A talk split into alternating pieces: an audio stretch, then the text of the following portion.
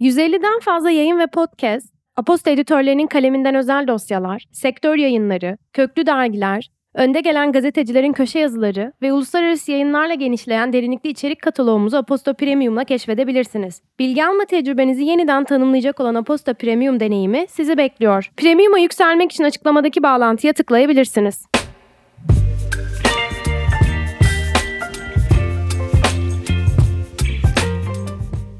12 Ocak Perşembe sabahından herkese günaydın. Ben Çağnur. Aposto 6.30 bültenini aktarıyorum ve herkese güzel bir gün diliyorum. Bugünün bülteni Yatsan'la birlikte ulaşıyor. Çağdaş konfor anlayışını yansıtan yenilikçi tasarımlarıyla Yatsan, dünyada ve Türkiye'de uyku kültürüne yön veriyor. Ayrıntılar bültende. Piyasalar ve ekonomi BIST 100 endeksi günü %5,1 azalışla 4,728 puandan tamamladı.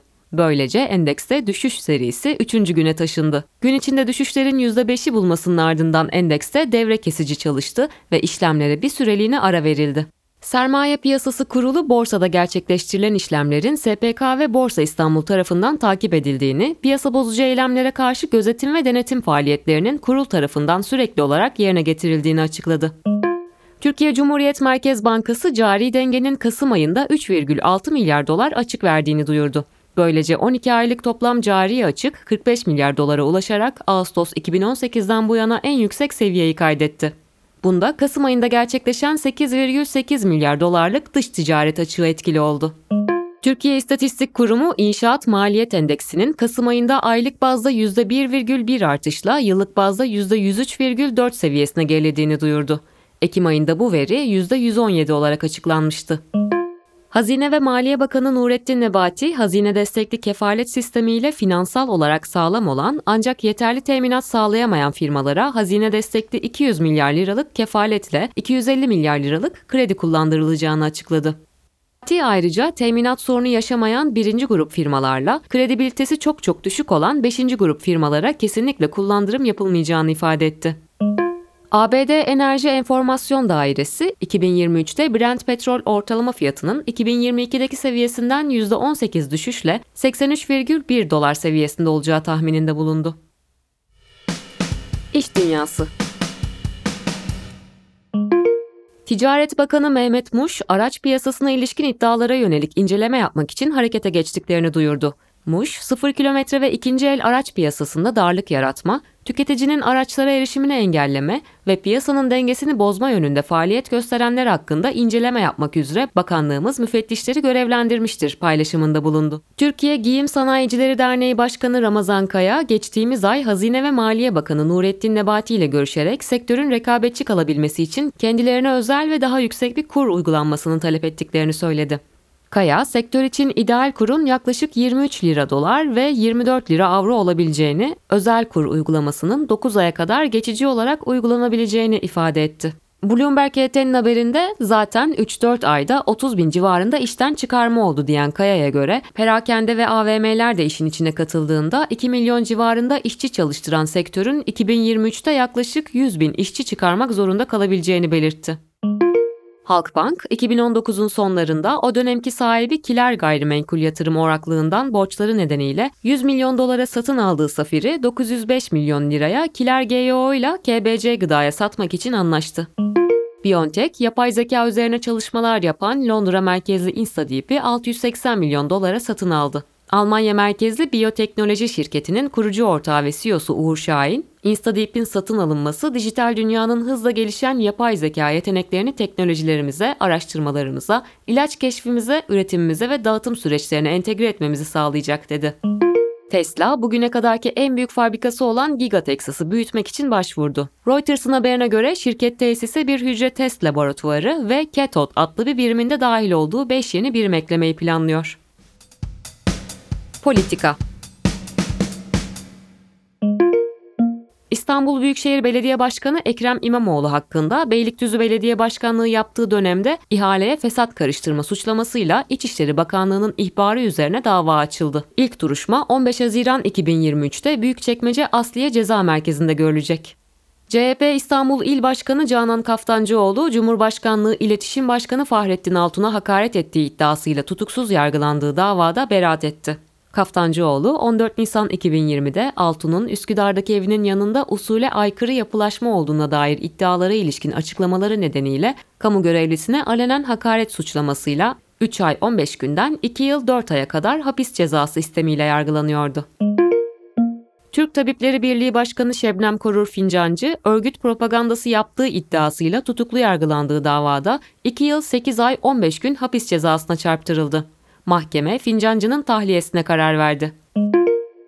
Cumhurbaşkanı Erdoğan anayasa değişikliği teklifine ilişkin şayet meclisimiz üzerine düşeni yerine getirmezse son sözü milli irade söyleyecek. Son kararı milletimiz verecektir açıklamasında bulundu. Erdoğan, Suriyeli sığınmacıların ülkelerine dönüşüyle ilgili terörden temizleyerek emniyetli hale getirdiğimiz bölgelere şimdiye kadar ülkemizden yaklaşık 550 bin sığınmacı geri dönmüştür. Rusya, Suriye ve Türkiye olarak bir süredir yürüttüğümüz diplomatik temaslar meyvesini verdikçe bu sayılar daha da artacaktır dedi.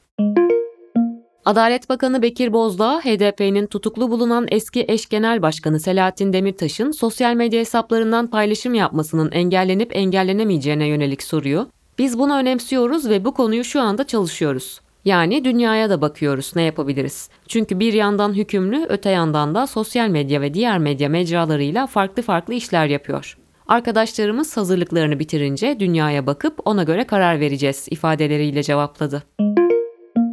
CHP lideri Kemal Kılıçdaroğlu Twitter'da TÜİK'e dair paylaşımında TÜİK'eli ile işçiden 300 milyar dolar çalındı. 5 ay sonra borcumuzu ödemeye başlıyoruz. Ücret vergisinin devlete değil, işçiye ödenmesini sağlayacağız. E biz beyaz yakalılar dediğinizde duyar gibiyim. Siz de işçisiniz. Kanmayın bunlara. Tabii ki size de borcumuzu ödeyeceğiz ifadelerini kullandı. Avrupa Birliği ve NATO arasında kritik altyapıya yönelik tehditlerin ve stratejik olarak kırılgan alanların belirlenerek bunların giderilmesi için çalışacak ortak bir görev gücü kurulması kararlaştırıldı. Teknoloji ve Startup Resmi gazetede yayınlanan yeni kararla perakende şirkette uygulanacak ilke ve kurallara yönelik yönetmelikte değişiklik yapılacak. Bu kapsamda cep telefonu satışlarında 12 bin liranın üzerindeki modellerde 3 taksit uygulanabilecek. Yenilenmiş telefon satışları ise bu karardan hariç tutulacak. Samsung'un Galaxy S23, Galaxy S23 Plus ve Galaxy S23 Ultra modellerini tanıtacağı Galaxy Unpacked etkinliğinin 1 Şubat'ta gerçekleşeceği açıklandı.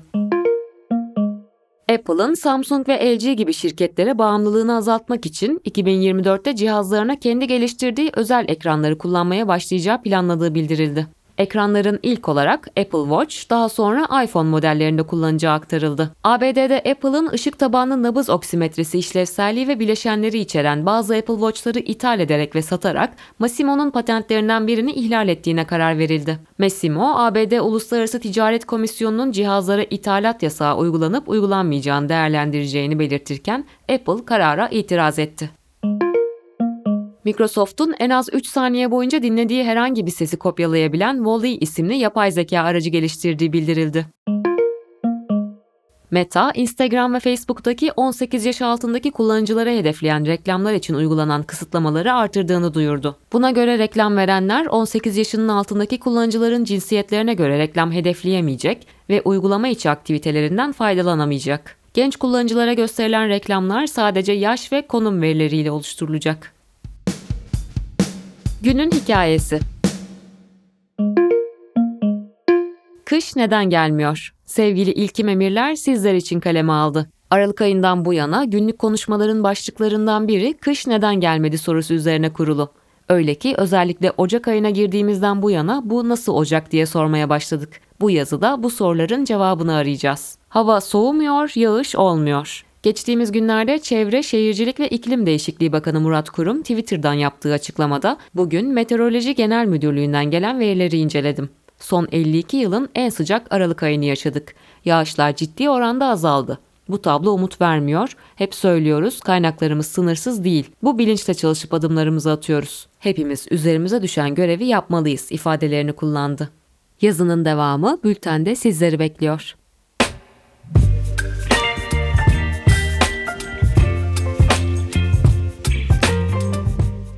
Sevgili dinleyenler, 12 Ocak Perşembe sabahında Aposto 6.30 bültenini dinlediniz. Bugünün bültenini ben Çağnur sizlere aktardım ve bugünün bülteni Yatsan'la birlikte ulaştı. Haftayı yavaş yavaş tamamlıyoruz. Umarım bu perşembe günü herkes için güzel, dilediği gibi geçer. Tekrar buluşmak dileğiyle. Hoşçakalın.